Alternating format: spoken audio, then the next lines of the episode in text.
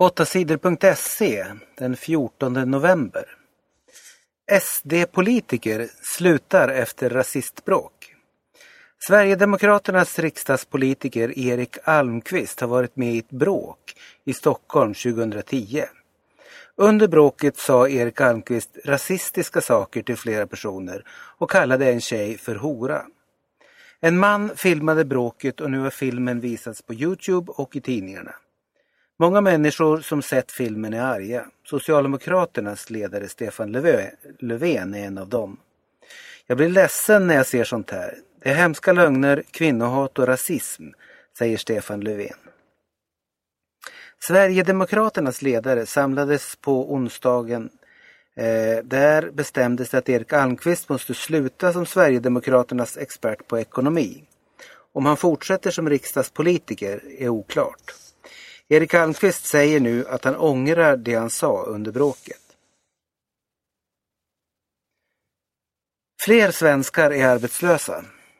Allt fler människor i Sverige är utan jobb. Arbetslösheten har ökat till 8,6 procent. Det betyder att 400 000 svenskar är utan arbete. Det visar nya siffror från Arbetsförmedlingen. 150 000 av de arbetslösa får inga pengar från a-kassan de måste klara sig på andra sätt. Arbetslösheten kan öka ännu mer. Många anställda har den senaste tiden fått veta att de kommer att förlora jobbet. Partier ska visa vem som ger dem pengar. Många vill veta var de politiska partierna får sina pengar ifrån. Men det har varit omöjligt att få reda på det. Människor har kunnat ge partierna pengar utan att behöva tala om sina namn. Nu ska reglerna ändras. Partierna i riksdagen lovar att tala om namnen på alla som skänker mer än 20 000 kronor till ett parti. Alla partier utom Sverigedemokraterna har lovat det. Till nästa val 2014 ska det komma en lag som säger att partierna inte får ta emot pengar i hemlighet. Sverigedemokraterna säger nej för att skydda sina givare. De är rädda för att människor som ger pengar till Sverigedemokraterna ska råka ut för hot och våld. Vi vet att folk som stöder oss kan råka illa ut, säger Björn Söder i Sverigedemokraterna. Emil hoppas på VM-medalj i vinter. Emil Jönsson är en av världens bästa sprintåkare på skidor. Han har vunnit världskuppen i sprint två gånger. Men i VM och OS har det inte gått lika bra. Emil Jönsson har bara tagit ett brons i VM.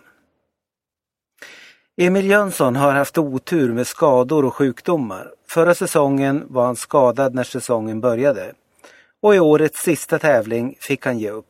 En muskel i låret hade gått sönder.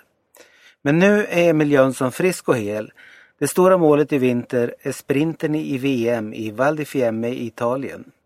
Världscupen i sprint börjar i Finland den första helgen i december.